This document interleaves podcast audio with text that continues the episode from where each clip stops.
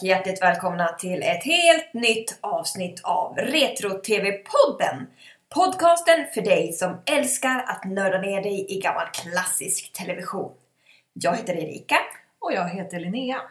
och idag så ska vi prata om en av mina favoritserier, Hem till byn. Men Linnea, innan vi gör det så har jag förberett en liten lek. Ja, jag har sett de här lapparna som ligger här så att eh, eh, vi får se vad som händer nu. Ja, och grejen är så här att vi har två stycken eh, högar med lappar. Det ligger åtta lappar i respektive hög. Mhm. Och på, eh, i en av högarna så står det namn på kända eh, TV-karaktärer. Och i den andra högen så ligger det kända quotes som de här TV-karaktärerna har sagt. Okej. Och det du ska göra nu, eller det vi båda ska göra, det är att vi ska dra en lapp ur en hög och plocka en karaktär. Och sen så ska vi plocka en quote. Och sen ska du säga den här quoten som den här karaktären som du har plockat. Gud, jag är inte ens säker på... Ja, ja. Vi ser vart vi tar vägen. Ska jag börja ta en lapp? Ja. Och på den här lappen läser jag Michaela Quinn. Okej. Mm. Från Dr. Quinn då, helt enkelt. Ja. Mm. Och sen ska du plocka en quote. Åh, herregud. Åh gud, oj, hur låter hon? Eh, jag måste tänka eh, hur Michaela låter. I detest sounding like... I detest sounding like one of those mothers who think they know it all, but un- unfortunately I do. Yay! Bra. Okej, så du fick alltså en quote som Endora i Bewitched har sagt. Ja, ja, ja. Okej, då ska jag plocka en här då. Och hoppas jag får en bra. Rose Nyland i Oh, Golden Girls. Åh nej! Ja. Betty White! Ja, Eh, en och riktig ikon. Vad får jag för quote då? Åh herregud, en quote från Roseanne. Ja, det här är bra. I mar... Nej, hur, hur låter hon? Hon är såhär... Insane, nej, insane Olaf, I'm not insane Olaf. I married you because you needed a date for your wedding. Ja, ungefär så. Något åt det hållet. Det var fantastiskt. Kan vi inte ta varsin till här? Ja, eh, då tar jag en ny lapp och på den står det Hyacinth Bucket. Yes! I love Ah, Hyacinth. Jag hatar den här serien. Eh, Det är alltså från Keeping Up Appearances som hette Skenet bedrar. Skenet bedrar på svenska. Jag vad hon, men det är lite så här, hon försöker vara posh. Ja. British. Precis. Är det där? Är det... Hur ska jag... Oh, Ja, nu fick du Rose Nylands ja quote. precis. Hyacinth. Ja, något åt det hållet. I hate to admit it, but he melts my Häagen-Dazs. Eh, Okej, nu ska jag ta en här. Lucy Ricardo. Oh, från I Love Lucy. Oh. Eller The Lucy Show. Ja, eh, I Love Lucy. Okej. I The Lucy Show så hette hon eh, eh, Lucy, Lucy, Lucy, Lucy, Miss... Nej, jag kommer inte ihåg. Hon hade ett annat Men efternamn. det var samma karaktär? Nej, det är inte samma. Nej, inte alls samma karaktär. Oj då. Eh, båda heter Ja, Lucy. Ja, det Båda är jäkligt klumpiga, men det är olika karaktärer. Eh, så Lucy... Jo men det är väl samma typ? typ. Ja, Ja det var det jag menade. Ja, men men samma typ av karaktär. det är samma typ av karaktär, men det är inte samma. Åh herregud! Jag fick en väldigt dramatisk quote eh, som Pamela Ewing säger i Dallas. Och det här ska nu alltså sägas som Lucy Ricardo. Och hur låter Lucy? Ricky, Ricky, Ricky! eh, Bla, bla, bla, bla. Ah, vad svårt! Ja, så får du skylla dig själv. Åh, vad dum jag var du som kom på den här leken. Jag vill inte ha den här quoten. Jag hade planerat för någonting helt annat. Det går inte. Ah, okej. Ah, God, Bobby, I need you, but if you can't stay away from her, stay away from me. Ah, ah. Hon är ju alltid så. Hon har ju alltid det här fejkgrinet. Åh, fantastiskt. Okej, vi, vi kör några till. Okej. Mm. Eh, Endora. Oj, jag vet ju inte hur hon låter. Riktigt. Come see, come sa. La, la, la, la. Ja. Samantha. Samantha. Och det här är då en, en, ett citat av Miss Ellie i Dallas. Endora som då är från Bewitched. I got to break Jocks will. Snyggt på den här Will. Det är typiskt Andorra. Ja, vissa, vissa bitar. Nu ska vi se vad jag får då. Roseanne, varför jag får ju de här skitdåliga? Okej, Roseanne som ska prata, eller säga en quote av Hyacinth. Hyacinth Pocket. Okej, åh herregud. det här. Okej, hon har ju ganska nasal röst, Roseanne. Va? Okej. Roseanne, come on. Okay, I hope. No, she's not talking like that. Okay. Dan, I hope you're not going to spoil things with lower middle class humor. Okej, jag fick lite brittiska där. Men det är svårt. Det är Alltså, jättesvårt. Det är lätt att ramla in i det där. Vi har två kvar här. Åh gud, ja ja. Då fick jag Miss Ellie. Ooh. Jag har ju sett på Dallas alldeles för lite för att kunna härma. Miss Ellie är ju så tips. Ah, Jack! No, Lucy! Här har du skrivit var det kommer ifrån. Eh, och det är från Dr. Quinn. Jaha. Ah, ja, mm, det är Michaela som säger det här egentligen. Miss Ellie, hon ja, så här. Sometimes mother, I think you really must hate me. Ja, det där var ju svinbra. Och nu är det bara en lapp kvar, men jag har ju så kort minne så jag kommer inte ihåg vad jag skrivit. Det borde vara Pamela Ewing va? Ja, självklart är det Pam. Vad har jag fått för skit? Jag har ju fått jättetråkiga. Det var för att du hittade på det här och tvingade mig att göra det här. Då, då eh, slår det tillbaka. Pamela Ewing som ska säga en quote av Lucy Ricardo. Okej. Here I am with all this talent bottled up inside of me and you're always sitting on the court, Bobby. Ja, det låter bra. Så, ja men då, då var det lilla, Ja, den lilla eh, avklarad. ja, det tackar vi för och så går vi raskt vidare till avsnittets egentliga eh, eh, huvudspår. Hem till byn! Ja!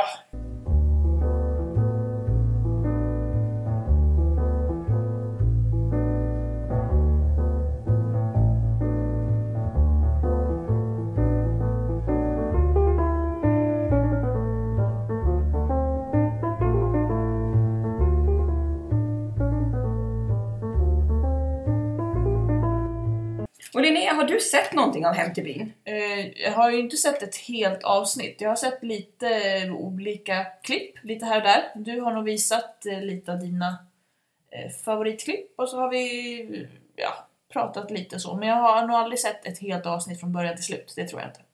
Nej, och jag var ju jag var ett stort fan av Hem till byn på, när vi gick på gymnasiet. Hem till byn började ju gå 1971 och så gick den i åtta säsonger. Och den sista säsongen sändes 2006 när jag var sådär 16-17 år. Eh, och jag fastnade ju för serien, liksom. jag bara föll pladask. Det här är ju genialiskt tänkte jag, att skildra svenska landsbygden på ett sånt här eh, realistiskt sätt. Och med de här skådespelarna och med de här väldigt trovärdiga karaktärerna. Så jag kommer ju ihåg att på fritiden så satt jag och knackade ihop ett litet häfte med alla skådespelare och alla karaktärer ur den här TV-serien. Jag skrev deras eh, karaktärshistorier, infogade bilder från första säsongen och sista säsongen så man såg hur de hade åldrats. Och sen så smackade jag till med en riktigt fin framsida där det stod en, eh, ett citat av eh, eh, han som är eh, magister, magister, om han heter magister Berglund. Eh, och, ja, precis, eh, magister Berglund. Och eh, det citatet lät någonting i stil med det går ett rykte på bygden att den nya Det går ett rykte på bygden att den nya stadsplaneraren eh, är det värsta som hänt sedan digerdödens dagar. Oj, dramatiskt. Och jag var mycket nöjd över det där och jag fotograferades bredvid det här häftet. Och, ja, jag, var, jag var mycket nöjd över att ha åstadkommit det där storartade verket. Men, eh, Hem till byn, vad skulle du säga om du skulle säga vad det handlar om? Vad skulle du säga då? Som lekman. Oj, som lekman. Eh, vi får ju följa... Eh, för mig är det ju främst en familj, det är ju familjen Persson. Eh, fr- framförallt, men det är ju egentligen en, ett helt alltså ett mindre samhälle och hur, eh, hur urbaniseringen så påverkar dem.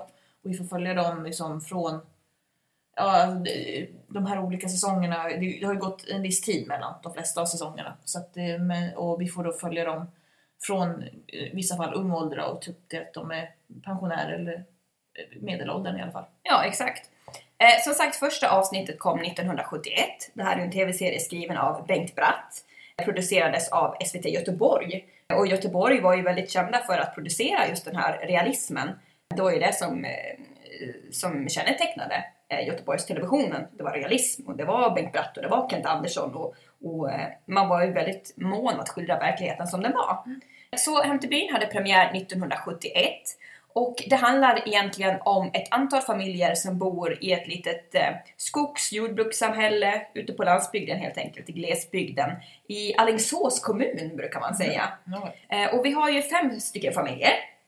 Vi har eh, familjen eh, Lövgren, Vi har familjen Andersson, vi har familjen Dahl, vi har familjen Persson och vi har familjen Strid.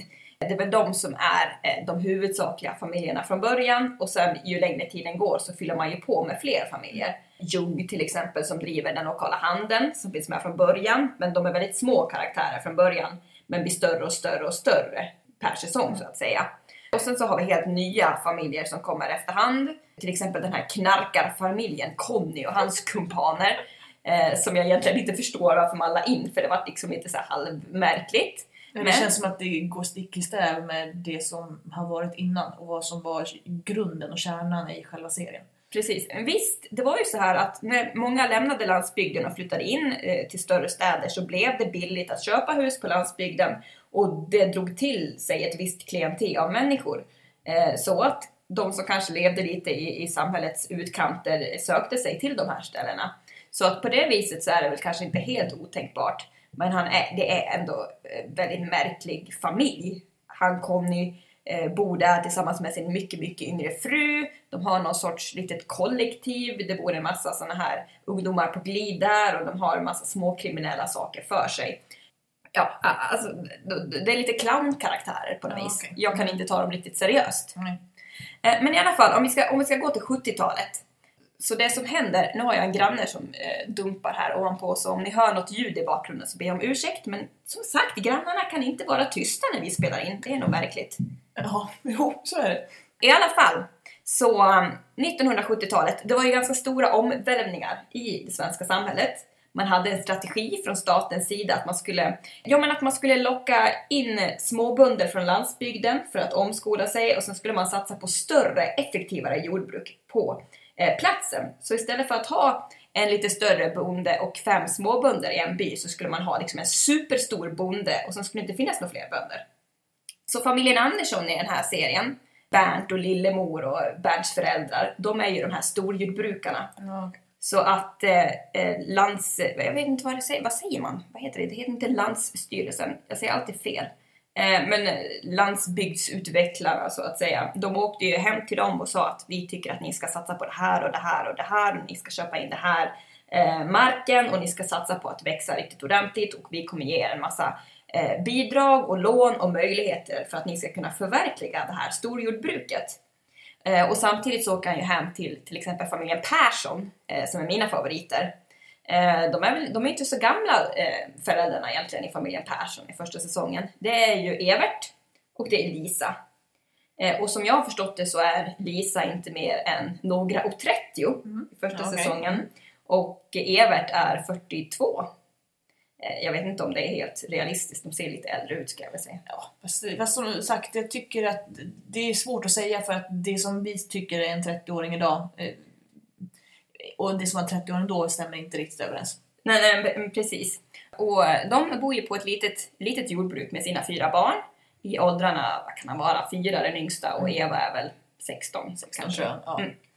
Och, ehm, Evert han, han försörjer sig ju inte helt på det här jordbruket utan han har ju extra arbete vid sågen också. Så han arbetar vid sågen och sen bedriver han jordbruk. Och då kommer ju de här landsbygdsutvecklarna, eller vad man ska säga, hem till dem och säger att nej, det här är inte lönsamt. Jag tycker att ni ska, att ni ska sälja. Sälja? Aldrig i livet. Hör du det? Ja, jag hör. Ja, det kunde jag ha sagt till er i telefon, men... Eh, ja, jag var nyfiken på vad ni skulle säga. Eh, jag undrar om eh, den vänstra handen vet vad den högra gör och på ser på lantbruksnämnden. Så.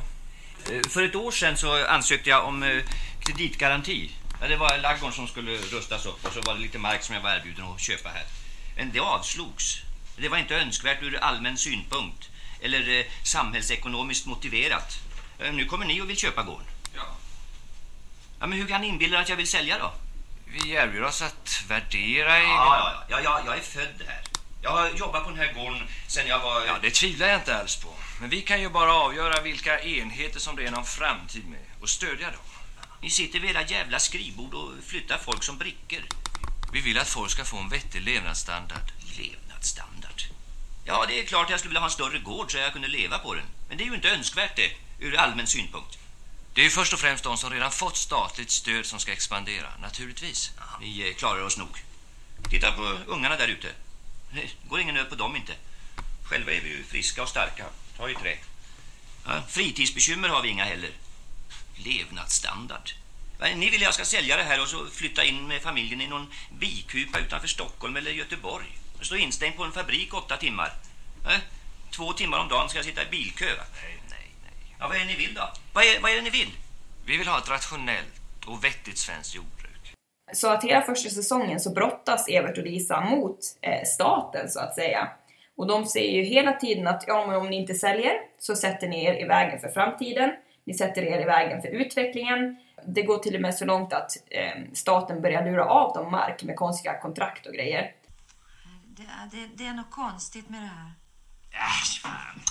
Du förstår väl inte på kontraktet? Det, det, det är ju ett, ett standardkontrakt det där. Ja, Men det, det står ju här att säljaren erhåller likviden vid markavträdelsen. Ja, Men när blir det då? Det står ju inte. jag ser. Sen förutom de här två familjerna, familjen Andersson och familjen Persson, så har vi familjen Lövgren. Och det är egentligen Per Lövgren, skulle jag säga, sonen i familjen, som är första säsongens huvudperson.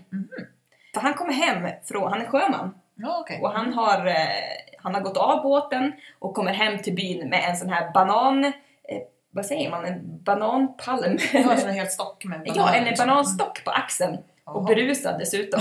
Så det första han gör det är ju liksom ramla raklång ner på köksgolvet med den här bananstocken över sig och föräldrarna bara jaha, där kom han hem.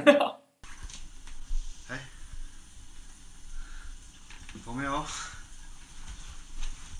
Från Västindien. Han visste hur man, hur man gjorde entré i alla fall. Han visste hur man gjorde entré. Eh, han var ju sladdbarnet i den här familjen Ja, ja. också. Mm. Och, eh, jag tror han har fem eller sex äldre syskon. Så han är betydligt yngre. Och hans föräldrar är verkligen traditionella jordbrukare. Eh, trots att det är 70-tal så har de inte gått över till traktor utan de kör fortfarande med häst. Oj. Och sen har vi en familj till. Det är familjen Dahl. Mhm. Och familjen Dahl, där finns det pengar. Jaha. För eh, eh, patriarken i den här familjen, Ragnar, Ragnar Dahl, han är gammal kommunalpamp. Och man säger att de lever på räntorna, för det kunde man göra på den tiden. Ja. Eh, det kan man ju inte nu. Det är inte riktigt det. Nu förlorar man snarare på att eh, leva på räntorna än att, än att tjäna någonting på det. Och han bor eh, på en väldigt stor gård där man har all mark utarrenderad tillsammans med sin son, sin sonhustru, sitt barnbarn och sin dotter. Och dottern i den här familjen, hon är rullstolsbunden. Mm, ja, det är hon Karin. Karin, Mm. det stämmer bra. Karin Dahl. Ja. ja, det är någon, få, få scener jag har sett. Men det kommer ju senare, mycket längre fram i serien. Så det kan vi ju ta när du har eh, satt eh, stämningen för hela serien här. Jag kämpar på med det. Ja, precis. Ehm, nej men Karin hon, hon sitter ju i rullstol, men hon har ju inte varit rullstolsbunden från födseln. Utan det är ju så här att Karin, hon, hon är väldigt begåvad. Ja. Och hon har varit i Uppsala och läst mycket. Och sen vid ett tillfälle när hon skulle åka hem från Uppsala till eh, den här lilla byn i Alingsåsskogarna så eh, krockade hon med en bil. Mhm. Och eh, ja, vart handikappad från midjan och neråt. Ja. Ena dagen så är man frisk som en nötkärna och så är man då ute och åker i bil. Och så är det då en som gör ett enda litet misstag. Och så sitter man så här. Det var konstigt. Hon har ju det väldigt tufft i den här första säsongen. För hon sitter där handikappad, hon eh, kan egentligen inte komma ner från övervåningen för det här gamla huset är ju inte handikappsanpassat. såklart. Så hon sitter instängd uppe på ett rum och klinkar på en gitarr och, och gråter ganska mycket. Eh, och då och då så pratar hon med sin brors son eh, Lars-Erik som är eh, de är, det är inte många år som skiljer mellan dem. Det är kanske en fyra, fem år eller något sånt där. De är väldigt nära i ålder. Och han, han lider ju av psykiska problem och mycket grubblerier. Så att det, det är väldigt mycket mörker i det här huset. Dessutom är ju eh, Ragnar Dahls son då, eh, som jag alltid glömmer bort namnet på, han heter Mattias. Eh, han är ju alkoholiserad eh, och han har ihop det med en syster till Per Lövgren. Och hans fru eh, mår ju jättedåligt över det här och hon är väldigt bitter. Och, så att stämningen i familjen Dahls hus, den är, den är inte god om man säger så. Nej, jag förstår det. Yes, det är mycket ångest och det är väldigt hemskt. Och han, Ragnar Dahl, han styr ju med järnhand. Han är den som donderar och han, han är den här kommunalpampen hemma också så att säga. Är inte han som har en, en bror som har någon slags utvecklingsstörning också? Jo, precis. Eh, Johan. Eh, och det han gör egentligen, han har inga repliker, han säger ingenting. Utan det man ser han göra det är att han sitter på en köksbänk och tittar ut genom fönstret. Ja, ja, men det var det jag kände, att det var någonting bara för att göra det ännu tyngre stämning i det här huset. Det var, det var något sånt. Exakt. Precis. Sen har vi ju också familjen Strid. Ja, just det. Och familjen Strid är väl kanske den familj som egentligen har kommit att förknippats mest med Hem till byn. Det var ju familjen Strid som liksom blev huvudpersonerna skulle jag egentligen säga. Och då har vi ju Lena och Willy Strid. Det här paret, det är stormande kärlek och det är stormande gräl och bråk. Willy, han är otroligt eh, driven och företagsam. I, I början, första säsongen, så bor de trångt med sina små, alltså väldigt, väldigt små barn. Och han driver en bensinmack och en mekanisk verkstad. Och sen ju längre tiden går, desto mer expanderar hon. Så att eh, till slut har han ju en mack, han har en skrot, han har en massa sportstugor. Han är liksom ortens starke man, så att säga. Han äger till och med travhästar. Ah, ja. Eh, och eh, köper sig ett stort, pampig villa, nästan herrgårdsliknande. Ja, okej. Så att eh, på det viset ekonomiskt går det bra för familjen Strid, men det är väldigt mycket svarta pengar och fiffel med bokföringen Ja, hos Willy. Eh, och, och Lena, hon är så rolig för hon är så otroligt ärlig och rakt fram och blir så förskräckt över att Willy hela tiden fifflar och håller på med, med allt det här. Och jag vet vid ett tillfälle så ska han köra in bokföringen till, jag vet inte vem det är, men kanske någon redovisningsman eller något sånt där och han vet ju att shit, jag har ju fifflat väldigt mycket. Jag har ju sålt, ja just det, han hade sålt skadade bilar med eh, typ fejkade nummerplåtar till ett annat land. Eh, och sen så skulle han liksom köra in papper på det här för att bevisa att han inte alls gjorde, hade gjort fel. Men han hade ju gjort fel. Så att de tog en gammal skruttig bil, satte eld på den här bilen och sen så eldade han upp den. Och Lena bara Varför kör du den här bilen? Varför har du gjort det? Vad, vad tänker du med Willy?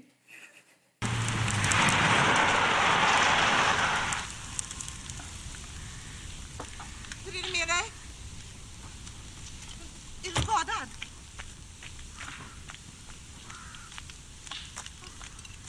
Du har ju dig. Får jag se? Varför kommer du? Robert sa att bilen brann. Jag- trodde att du hade skadat dig. Varför jag kommer? Är du inte riktigt klok? Får jag se? Får jag men- se pojken? Lena, ta och lugna ner dig lite nu. Det är ju bara sot. Jag försökte rädda bokföringen. Vad vad ska du göra? Ja, men du har ju ställt bilen mitt i vägen. Ja, inte med de händerna. Nej, ja, du, det gör jag. Det är inte bra. Eh, de, är, de, är, de är väldigt roliga men, och underhållande och det, det är väldigt mycket fart och fläkt hos, hos familjen Strid. Men så har vi ju familjen eh, Berglund också där i, i första, de första tre säsongerna. Fru Berglund är med alla säsonger, vilket är ett under för att hon är ganska till åren kommen. Men herr Berglund, han är magister i byn och han är väldigt bitter över att den lilla skolan har lagts ner. Såklart. Ehm, Så han säger ju att ja, kunde inte flytta hit fler ungdomar och kunde de inte få fler barn så kunde vi öppna skolan igen. Men det här är väl liksom ett, ett led i nedmonteringen av landsbygden som Ja. skedde på den här tiden. Jag tycker att det är, är några av de här familjerna som vi ska dyka djupare ner i. Mm. Och jag har ju först och främst eh, följt familjen Persson. Ja, det är ju de jag har hört mest om också. Precis, Du pratar mest om dem. det är ju liksom klippen från deras, eh, ja men deras, det är de starka scenerna som jag har visat för dig. Det är deras storylines som jag har berättat eh, och eh, ja, det är väl det som du, du har blivit utsatt för så att säga. Eh, nej men familjen Persson som sagt, det är ju de som landsbygdsutvecklingsenheten, eller vad vi ska säga, vill ska flytta in till stan eh, och ge upp sitt jordbruk. Och de kämpar ju liksom med näbbar och klor hela första säsongen. Men sen så i avsnitt fem så blir de inbjudna till Bernt och Lillemors bröllop, alltså de här storböndernas bröllop. Och då så reser sig Evert upp och säger att ja, nu hade vi tänkt att eh, ge en liten extra bröllopspresent och vi har bestämt oss för att sälja gården. Eh, ja, jag vill eh, också gärna framföra en lyckönskan till er. Vi är ju närmsta grannar har våra ägor intill varandra. Eh, ja, jag, jag, jag har alltså mina åkerlappar intill era ägor. Men nu tänkte jag komma med en eh, liten extra bröllopspresent här. Vi har diskuterat den här saken länge, Lisa och jag. Och vi vill inte gärna vara de som sitter och hindrar utvecklingen så att... Eh, ja, vi har bestämt oss nu. Vi eh, säljer gården. Oj, dramatiskt. Han lägger lite eh, sordin på stämningen där så att Ja, säga. jo, såklart. Eh, Lisa är ju inte alls förnöjd med Everts lilla tal där, utan tycker att det är ganska pinsamt. Till saken hör ju också att Evert och Lisas äldsta dotter Eva är ju ihop med eh, eh, familjen Anderssons eh, yngsta son, alltså Ah, ja. eh, Bernts eh, lillebror. Så att det är ju liksom lite ett eh, Romeo och Ja, Julia-drama förstår. där. Men i alla fall, eh, de bestämmer sig efter mycket om och men för att sälja. Och det hålls en stor auktion där allt lösöre och hela gården går under klubban. okej. Och givetvis så köps ju gården av ett par eh, präktiga sommargäster som tycker att de gör världens klipp. Såklart. Och det som är så roligt är att i, i sista scenen med de här sommargästerna så säger de det att tänk, nu kan vi ju lämna stan och flytta ut och bli bönder, små bönder och leva organiskt och, och, och, och, och det är så märkligt för då byter man ju liksom bara ut de här egentligen. Man tar bönderna och skjutsar ut dem eh, ja, men till, in, till stan och sen så tar man ut de här stadsborna som ska ut och leva organiskt, Ja, gröna och de vågens inte har en aning om hur man tar hand om sitt eh, jordbruk eller, ja, eller någonting egentligen. Nej, exakt. Och sen så får vi se då hur Evert och Lisa och de här fyra barnen hamnar i en nyproducerad eh, fyrarumslägenhet i Gårdsten. Som alltså är ett stort miljonprogramsområde eh, utanför Göteborg. Nej, det, det, det, det är så hemskt för man får se liksom hur, hur kameran zoomar ut och man ser alla de här stora betonghusen och allt är bara betong, betong, betong. Men det är ju så praktiskt. Jo, men så är det. Och sen när, när säsong två tar vid några år senare, alltså från början var det ju tänkt att Hem till byn bara skulle bestå av sex avsnitt. Ja, okej. Men serien blev ju så otroligt uppskattad och populär att man gjorde ytterligare en säsong 1973 och så kom det en 1976 och sen var det ett hopp på 14 år. Så 1990 kom säsong 4, kommer nästa säsong 95, säsongen, följande säsong kommer 1999, nästa säsong 2002 och sista säsongen 2006. Okej. Så att i, ibland blev det ju ganska stora hopp, speciellt det hoppet på 14 år. Men i alla fall när säsong 2 kör igång så har ju Evert börjat eh, på någon sorts omskolningsskola. Så han ska utbilda sig till svetsare och tanken är ju att han ska arbeta vid varven som i början av 70-talet gick för högvarv. Ja. det är lite till tips. Ehm, och, och Lisa hon är, eh, hon är hemmafru då. Eh, och hon tycker, att det, hon tycker att det är ganska tråkigt. Ja, det förstår jag. Ehm, hon, har, jag menar, hon är ju så van att arbeta med kroppen. Ja. Hon har ju liksom grävt diken, hon har tagit hand om korna, hon har mjölkat varje dag, hon har haft i alla fall några barn hemma. De här barnen börjar ju nu skolan och Lisa går omkring där utan någonting att göra i det här praktiska hemmet. Eh, Så att det är väldigt mycket bråk mellan Evert och Lisa i säsong två. Bland annat klagar Lisa oerhört mycket över att Evert snarkar. Så att hon, är, hon liksom väcker honom mitt i natten och säger att ah, du får vända dig för du snarkar så mycket. Och han bara, nej men du brukar väl inte klaga på att jag snarkar, det har jag aldrig hört förut. Då biter hon till med att nej men jag har väl varit så trött då, nu har jag ingenting att göra så då kan jag inte sova. Evert. Du. Ja,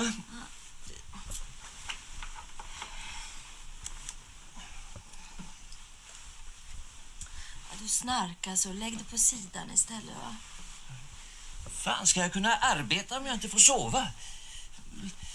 Tredje gången du väcker mig nu. Men jag då? Jag måste väl sova jag också? Du kan ju sova hela dagen imorgon om du vill. Det är väl det du gör förresten eftersom du inte kan sova på nätterna. Och jag aldrig klagat över att jag har snarkat förr. Jag var väl så trött då så jag märkte det inte. Du ska inte säga att jag sover på dagarna. Ja, vad gör du då? Du gör väl ingenting? Gör jag inte tillräckligt? Tala om för mig vad jag ska göra hela dagarna du. Tala om det. Kan jag inte få sova? Tala om det, du som såg till att vi kom hit. Ehm, Så att de tjafsar väldigt mycket och Eh, det, det är tufft för barnen också. Den här yngsta grabben Jan, han blir mobbad i skolan för att han är från landet.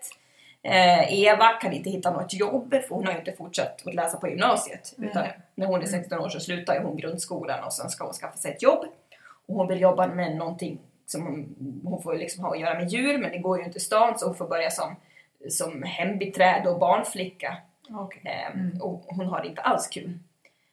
Men sen mot slutet av säsong två så ser man ändå att nej, men de börjar anpassa sig lite till stadslivet. Det är inte vad de vill men det är ändå helt okej. Ja, det går an. Det, det går an precis, men de vill ju hellre vara ute på landet på sin lilla gård. Eh, sen säsong 3, 1976, då är det, då är det lite mer ångest skulle jag säga. Lisa och Evert de bråkar ännu mer, liksom ännu mer slitningar mellan dem. Man märker att det, det är liksom, de är bittra. De känner sig inte alls tillfreds med livet. De, de vill ut på landet. De åker omkring och kollar på lite sommarstugor. Men det var ju ganska mycket inflation på 70-talet. Eh, och priserna steg ju väldigt Ja, det var mycket. ju kris på kris på kris egentligen. Hela Precis. 70-talet. Så att ehm, de har inte ens råd med ett litet torp längre. Eh, så att nej, vi, vi, de kan helt enkelt inte köpa någonting och tvingas hela tiden inse att nej, vi får stanna i den här lägenheten, vi kommer ingenstans. Samtidigt börjar varven gå dåligt, det är ju stålkris till exempel och Eriksbergsvarvet och ja, de börjar varsla folk och Evert känner ju att oh, här sitter jag löst för att jag var ju ganska sen in och många har ju jobbat här i 30-40 år och jag har jobbat här i två år. Så att det är osäkerhet där. Ehm, Eva har fått tjänst i någon fin familj och blivit jättesnobbig och ser ner på allting som eh, familjen gör. Eh, Jan är fortsatt mobbad, väldigt inåtbunden, pratar inte om sina känslor.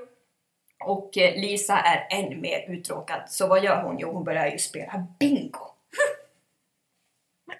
Det känns otroligt 70-tal. Ja, men inte vad hur? det är, bingohallar, jag vet inte vad det är men det, ja. Så hon tar spårvagnen varje morgon, åker till bingosalen, så sitter hon där hela dagen och så åker hon hem. Och hon vågar ju inte tala om det här för, för såklart. att hon spelar bingo, för han gillar ju inte spel. Eh, så att hon säger ingenting. Men i alla fall, en dag när hon sitter där och spelar bingo så slår det sig eh, ner en man bredvid henne som heter Åke. Eh, han är epileptisk och han är ganska ensam. Men så börjar de prata och han börjar fråga henne, har du läst Tolstoj, har du läst Dostojevskij? Och Lisa bara, "Eh, hmm, vilka är det typ?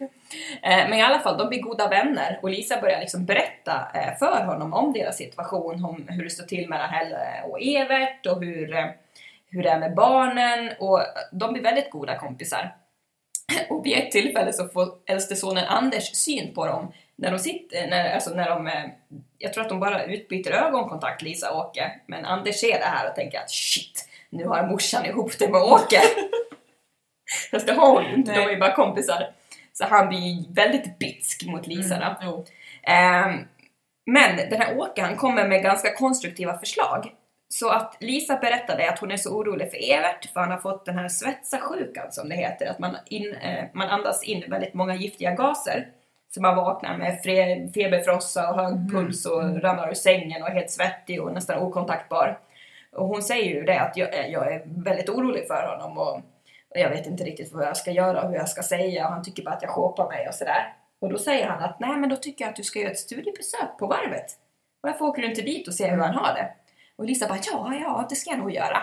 Och sen så klipper det ganska starkt. Eh, och vi får se hur eh, en polisbil åker upp till Lisa och Everts lägenhet och berättar att eh, Evert har dött på vägen från jobbet. Ja. Så där, ja, och, och det var ju så att skådespelaren Rune, Rune Ottosson som spelade Evert, han dog ju på riktigt på väg hem från inspelningen. Så därför kunde man ju inte alltså, lösa alla de här konflikterna som fanns. Så Man hade byggt upp så otroligt mycket under säsong tre och det fanns så mycket frågor som behövde redas ut och få ett avslut. Men så dog han. Och istället så, nej tyvärr, Evert är död. Och åh, alltså de här efterföljande scenerna är ju fruktansvärda. Det är ju som att Lisa tappar tron på livet. Hon ser ju så ledsen och alltså det finns ingen lyster i ögonen på henne. Hon är helt liksom nästan apatisk. Och sonen Anders vägrar ju prata med henne för han tror ju fortfarande att hon har ihop det med Åke. Ehm, och Eva är eh, inte alls speciellt tillmötesgående. Och, och det hela slutar egentligen med att eh, Lisa ser en annons i tidningen där de här sommargästerna som köpte deras gård har satt ut den till försäljning. Och hon säger det att nej men alltså vi kan ju köpa tillbaka gården igen, vi måste ju ringa. Och så ringer hon. Och sen så upptäcker hon att oj, det här huset, alltså bara huset är till salu för 130 000. Och de sålde hela sin gård för 76 000. Och det har gått fem år. Så att eh, hon kan ju inte alls köpa tillbaks den. Så att eh, hon blev fast där i Gårdsten tillsammans med sina barn, änka vid 40 års ålder. Så att det är en väldigt tragisk eh, situation. Eh, och sen så när vi får följa Lisa igen eh, 1990 och framåt så är hon ju fortfarande, hon, är- alltså hon är så bitter och hon är så ledsen och hon har absolut inga pengar för hon har ju knappt jobbat, hon har ju jobbat Nej, hemma på gården och så har hon varit hemmafru. Så att hon har ju, hon har inga pengar, hon har inte ens tagit ut änkepension för hon vill inte vara staten till last. Ja, okej. Eh, men sen träffar hon ju Gunnar då, Gunnar Lövgren som är en äldre bror till Per Lövgren. Nu är du tillbaka Eh, där. Mm. Och han är ju alkoholiserad men Lisa lyckas liksom få honom på rätt köl igen och de får bo lite ute på eh, Gunnar och Pers föräldrars eh, gamla ställe och bruka jorden lite grann och sådär. Och, och med tiden så inser Lisa att nej men nu är vi ganska gamla, det är, det är ganska bekvämt ändå att bo i en fin modern lägenhet inne i, Och i nä- Göteborg. nära till all, all service och allt sånt. Ja, hon säger nära, nära till all service och nära till barn och barnbarn. Så att eh, Gunnar och Lisa slår sig eh, i sista säsongen ner i en ny fin producerad lägenhet i Göteborg. Så att de får ändå ett ganska bra avslut, men man tänker ju vad hade inte hänt om Evert inte hade dött? Ja, nej, så är det ju. Eh, det är, som, det är så uppenbart att de har byggt upp mot eh, ett, visst slut, eller vart de vill nå. Men eh, det tror också, det här är också kanske ett av de finaste eller bästa exemplen på där man måste lösa situationen när det händer någonting i verkliga livet. Och man har gjort och använt sig av det för att förstärka ytterligare. Och det är så här, precis som du säger, det här hade ju inte hänt om Rune Ottosson inte hade dött. Men samtidigt så alltså den här serien ska ju vara realistisk. Och i verkliga livet så kan du inte lösa alla trådar. Det, blir, det är saker som blir osagda, det är saker som aldrig får någon lösning på grund av att det händer, händer någonting helt oväntat. Så att på så sätt så, hur makabert det här än låter, så eh, det faller det ju in egentligen i hur serien borde vara. Ja, Alltså- det, alltså, det otroligt realistiskt. För det är ju inte så att folk går och dör när man har löst alla livets Nej. stora frågor eller alla problem och, och sådana saker. Utan folk dör ju ofta om man inte varit sjuk längre. Men då dör man ju knall och fall och ingen är förberedd på det. Precis. Och då finns det ju massa som man hade velat liksom klara av när personen fortfarande var i livet. Ja, exakt. Så att det är, ja det är som du säger, det är väldigt realistiskt. Dock tragiskt. Ja, jo men så är det. Min teori är ju att eh, hade Evert fått leva så hade han och Lisa faktiskt köpt tillbaka gården. Mycket troligt. Åh, det hade varit så fint om familjen Persson hade fått komma tillbaka till byn. Åh. Vi kan fortsätta prata lite om familjen Lövgren och familjen Dahl.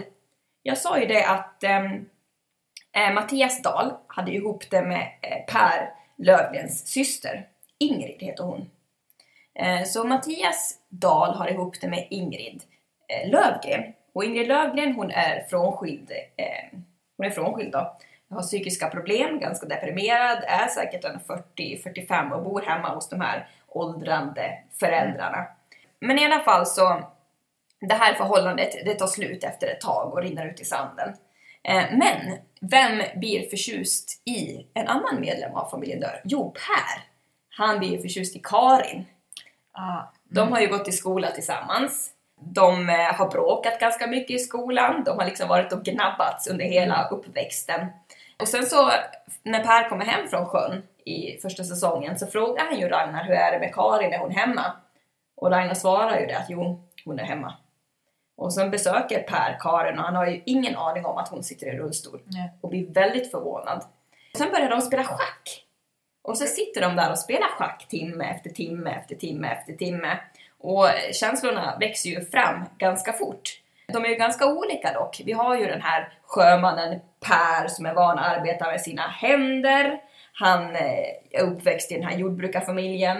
Och sen har vi Karin som har en helt eh, annan uppväxt. Hon är uppväxt med pengar, haft möjlighet att studera, är väldigt intresserad av ekonomi och politik och filosofi och, och sådana saker.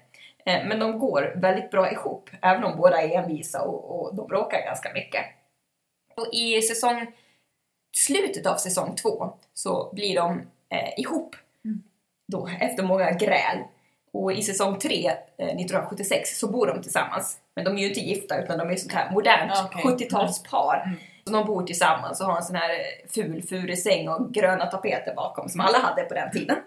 Men sen så tror jag att eh, Karin, jo, Karin blir gravid fast hon är rullstolsbunden och ingen trodde att det här skulle vara möjligt. Nej. Och då bestämmer de sig för att gifta sig. Och sen när säsong 4 tar vid 1990 så är ju den här eh, sonen eh, 10 år ungefär och spelas av Harald Lönnbro som är mest känd för att ha spelat Olle Jag i... tänkte precis säga Mm. det, det är väl han som spelar Olle i eh, Alla vi barn i Bullerby. Ja, Den och, alltså 80-talsvarianten som regisserades av Lasse Hallström. ja, och Ska han, vi tydliggöra. han är superbra. Alltså. Han är jätteduktig. Eh, sen ser han ju inte ett dugg ut som Per och Karin, inte alls, men eh, det får gå. Ja, men ibland är det så. Och jag vet att vi pratade ju lite tidigare om att du har en väldigt stark scen som du minns från, ja det är tillfällen när Karin är lite upprörd. Ja, det, jag tror att hon har fått, hon har fått reda på att Per har varit otrogen tror jag. Eh, Ja. och hon bryter ihop totalt och börjar förstöra allting runt omkring sig och slänger saker och så. Och det, och det blir ju så extra starkt i och med att hon är rullstolsbunden. Så kan hon inte göra det här vanliga, vanliga säger jag med citationstecken, såna här utbrott som det brukar vara i film och serier när folk går runt och river i saker och slänger. Utan hon, hon är ju fortfarande fast i rullstolen. Men det blir liksom så extra starkt för hon försöker få ut allt det här och ha sönder allting på, liksom, trots att hon egentligen inte har den friheten att göra det. Och det blir på något sätt extra starkt för att hon det blir det här ytterligare hindret för att uttrycka all, all liksom smärta som hon känner just då. Eh, det, det blir väldigt, väldigt starkt. Per har ju haft ihop det med prästen Berit. Ja, det är så Och, det ja, och det här hände ju många, många år tidigare. Jag tror att det är antingen säsongen 95 eller 99. Och den här eh, scenen där Karin är så upprörd, det är ju i sista säsongen, 2006. Så det har ju passerat ganska många Mm. år. Och det är så att eh, Berit och Karin är dessutom bästa vänner. Ja, ja. Och eh, Berit ska lämna, Berit är präst i byn och hon ska lämna sin församling och flytta därifrån. Då sitter Berit och Karin och pratar och eh, Berit säger det att Ja, men alltså jag vill verkligen tacka dig för att du har varit en så god vän och hjälpt mig med min eh, bokföring och sådana saker. Och Karin säger det att ja, ja, men det är ingenting och hur ska jag klara mig utan dig? Du har ju varit min bästa vän. Och då så får ju eh, Berit någon sorts sanningsmoment och säger det att den där mannen, det var Per. För hon har ju berättat för Karin att hon liksom har haft ihop det med en gift man och sådär. ja. Och sen så avslöjar hon i, i deras sista scen tillsammans att det var Per. ja, sånt förstår jag faktiskt mig inte på. Alltså, så varför ska man drabbas av samvetskval just då? Det ja, nej. Ja, hon kunde ju ha pajat Karin och Pers liv för all framtid. Ja, jo, Bara för att hennes samvete skulle bli lite rent. Mm. Om någon skulle berätta det så skulle det väl ändå vara Per. Ja, jo men så är det.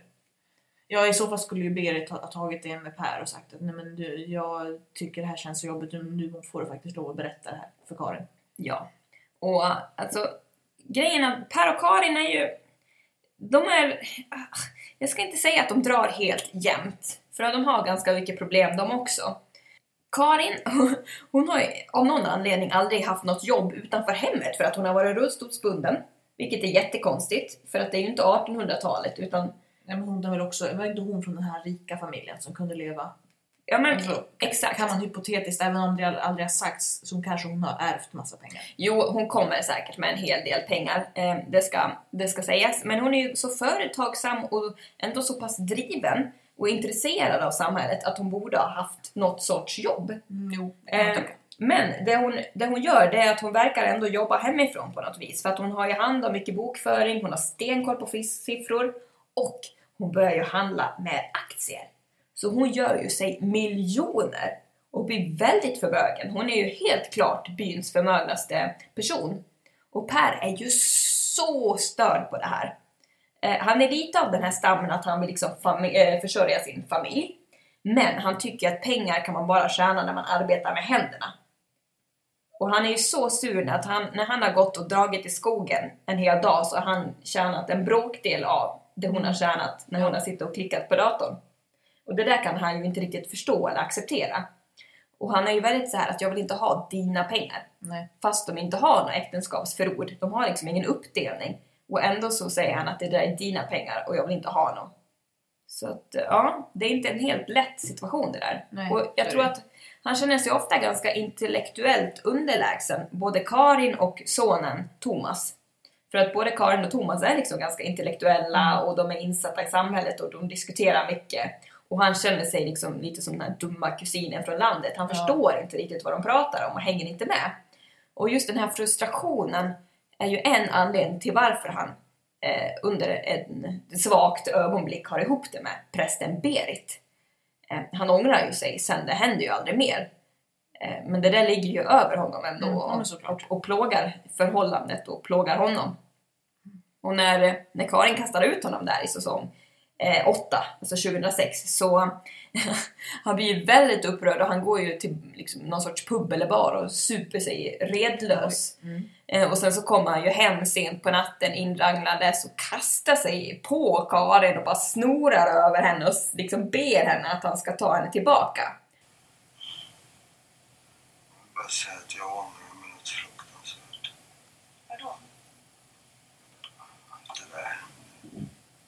Vad då som hände? Ja, att jag gjorde det här. Ja, men ett förhållande, det händer inte bara. Det går man in i. Gjorde inte något förhållande med henne! Det var bara en gång! Det var en jävla olyckshändelse! Barnen skjutsade hem och så... så, så, så, så, så. Ja, ja, ja, ja, ja, ja, ja, ja.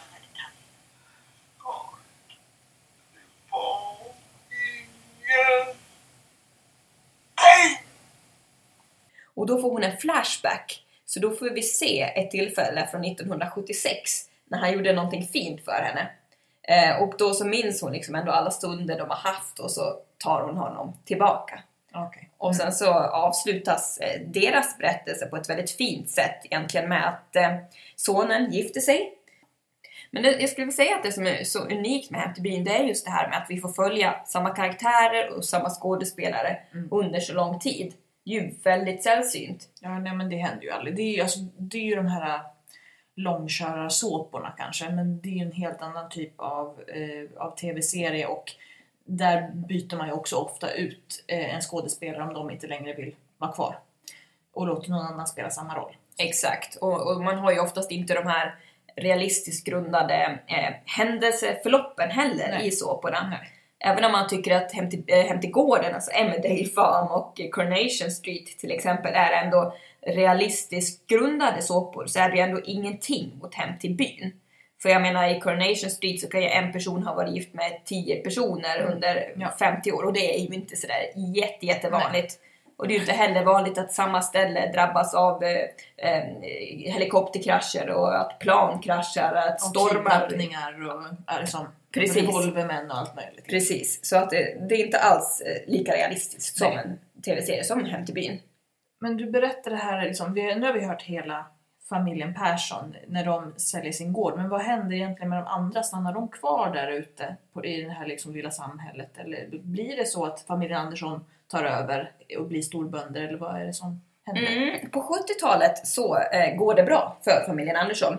De köper in mark, de investerar i maskiner, de eh, har mycket boskap. Eh, så i säsong 1, 2 och 3 så är de verkligen de här framgångsrika storbönderna. Men 1990 ser situationen helt annorlunda ut. Ja, det kan jag tänka mig. De har dragit på sig stora lån.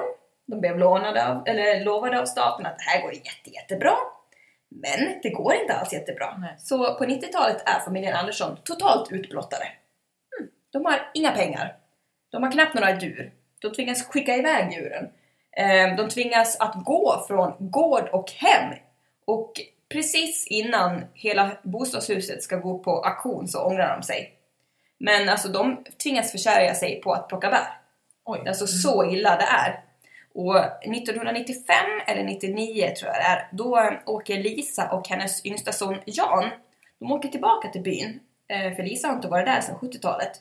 Men då tänker Jan att jag var då bara fyra år eller något sånt där när de flyttade därifrån. Han, han säger att ja ah, men morsan du har ju pratat så mycket om den här byn så, så nu åker vi tillbaka, jag vill se vad det är egentligen.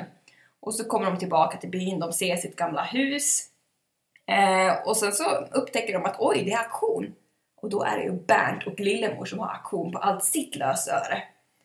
Ja, ja. Mm. Och då säger ju Lisa det att ja, men jag trodde att det gick bra för er. De bara nej, nej det går inte alls bra. Hon, hon inser också att oj, eh, tiden har inte stått stilla här. För hon har ju föreställt sig att allt skulle vara precis som det var när de lämnade. Men så märker hon att allt har inte varit liksom underbart i den här byn utan det har hänt mycket och att Bernt och Lillemor är kanske inte de här stora skurkarna utan de har också lurats in i saker som, som de egentligen inte ville. Tack ska du ha Va? för att du tog med mig hit upp. Det är det bästa som har hänt mig på länge. Jag vet inte hur jag ska kunna tacka dig.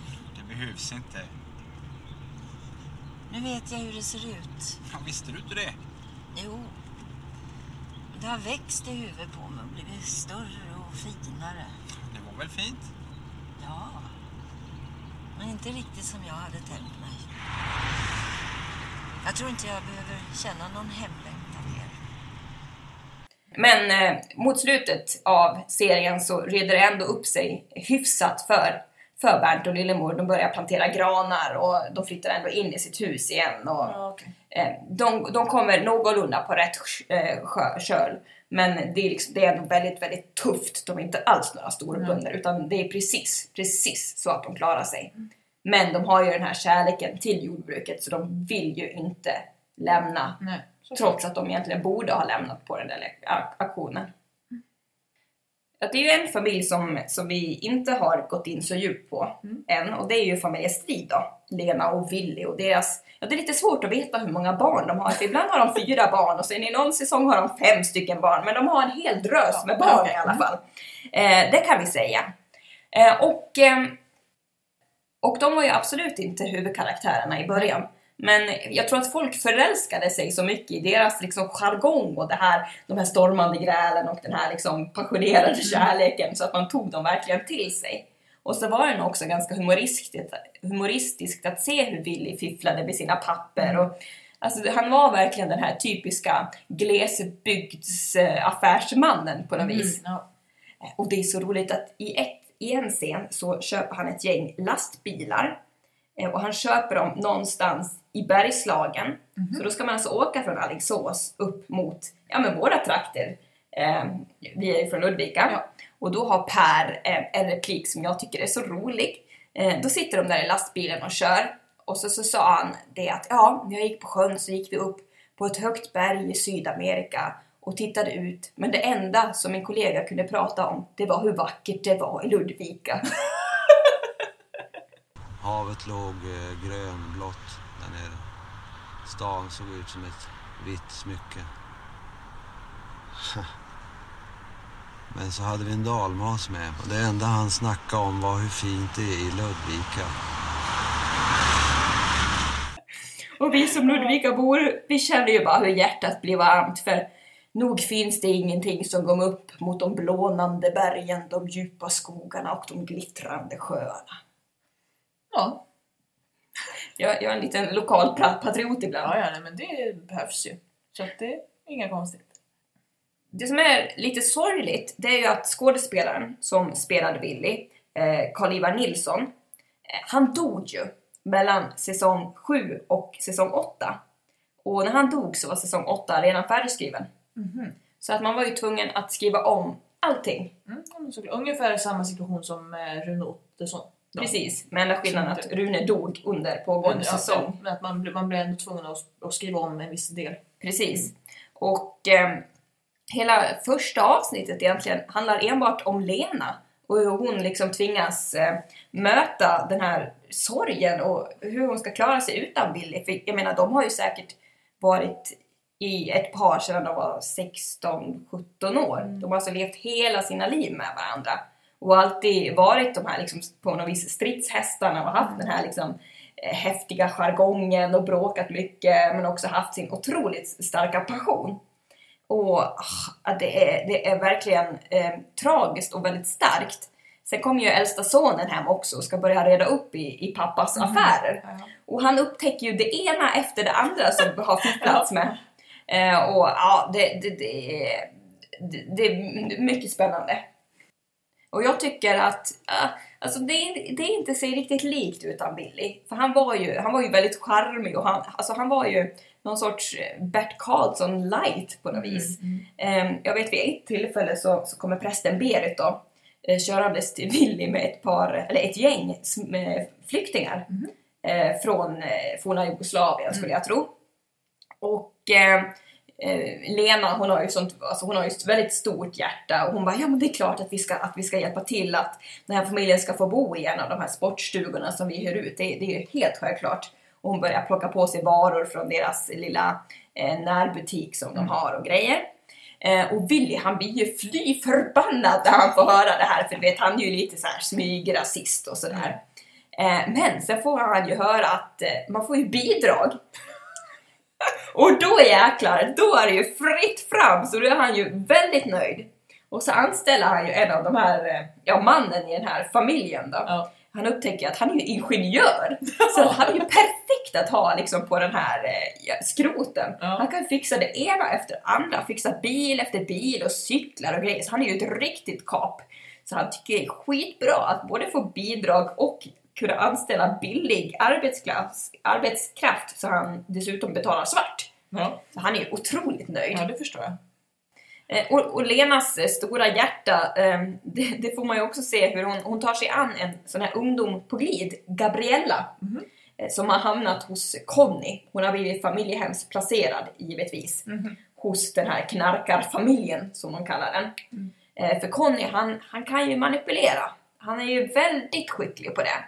Så han kammar ju liksom, kammar håret, sätter på sig fina kläder och han och frugan, som jag sa är betydligt, betydligt yngre. De åker in till eh, vad det, Socialstyrelsen, antar jag. Och, och liksom säger det att ja men du vet Birgitta, mitt hem, jag tar hand om ungdomar på glid för jag har ju varit där själv. Jag vet hur, hur nyttigt det är när de får jobba med kroppen, när de får odla och när de får rida och, och, och greja. Och den här Bita på Socialstyrelsen, hon är ju liksom bara, ja, ja, du är fantastisk Conny, du är fantastisk. Så att hon familjehemsplacerar ju Gabriella där. Och, och till en början så är hon ändå ganska nöjd för att de har en häst där som hon får ta hand om och hon får jobba liksom på landet. Men eh, sen märker hon ju att oj, det står ju inte riktigt rätt till här. De har ju mycket konstiga saker för sig. Det knarkas, det dricks, det stjäls saker. De hotar människor och en kväll så kommer ju Conny in i hennes sovrum och försöker ha ihop det med henne. Och då sticker hon ju, hon flyr ju. Och Lena, hon får ju hon träffar på Gabriella när hon kommer springandes ganska blodig och sånt där och det tar ju hus i helvete! Lena blir ju så upprörd och hon liksom skyr ju inga medel. Hon sticker in på socialtjänsten och skäller ut den här tanten och tvingar sig själv in och eh, går fram till Conny och skäller ut honom och sen så tar hon sig an eh, Gabriella och blir som en mamma för henne. Eh, och ehm, Willy har ju travhästar. Så då får ju Gabriella börja ta hand och träna de här travhästarna. Och så i sista scenen av säsong 7, alltså när Willy fortfarande var med, så är de på, de är på en stor travbana och Willys häst ska starta. Och så står Lena, Gabriella, Willy och eh, Lenas syster där och väntar på att se starten och så, så går starten och hästen springer iväg men galopperar direkt. Och Willy har ju investerat så mycket pengar i den här hästen och han har trott på den så mycket att när han ser att den galopperar då får han en stroke och faller ihop. Och säsong 7 slutar inte med, nej men en av de sista scenerna det är mm, eh, eh, det är, man ser liksom den här travbanan, man ser de starka lyserna, man ser hur Lena står över Willy och liksom frågar vad är det, vad är det, vad är det som händer, vad är det som händer? Och sen så klipper vi och sen så är vi i det här lilla församlingshuset på något vis, eller Folkets hus, eller byastugan eller vad det nu är. Och där har alla samlats. Så vi har alla familjer, alla skådespelare som inte har dött då. Eh, vi har till och med Lisa är där, för hon är där med Gunnar.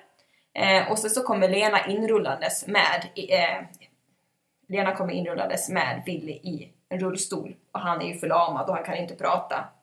Och så slutar säsong 7 med att bykören går upp och ställer sig och börjar sjunga Nej, var som sin källa sin blomma har. Och samtidigt så får man se eh, hur Willy får flashbacks från när de var unga. Mm. Och sen så rullar det på så att man får se alla karaktärer när de var unga. Och det knyts ihop otroligt fint Mm. med de här gamla bilderna och den här låten. Och tanken var ju att det var ju säsong som skulle avsluta hela Ja, serien. det låter ju som att det hade varit ett perfekt slut. Det hade varit ett jättefint slut.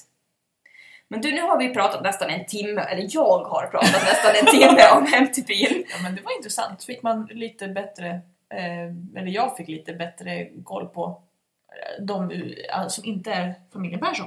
Precis. Och ja, jag tycker att vi tar och avslutar här. Och tyckte ni att det här var roligt att lyssna på, då får ni ju som sagt gärna prenumerera på oss så att ni får varje avsnitt direkt i er telefon. Ni får också gärna gilla oss på Facebook och på Instagram. Nästa vecka, eller nästa gång ska jag säga, är vi tillbaka med någonting helt annat. Jajamän, så är det. Tack så länge! Tack, tack!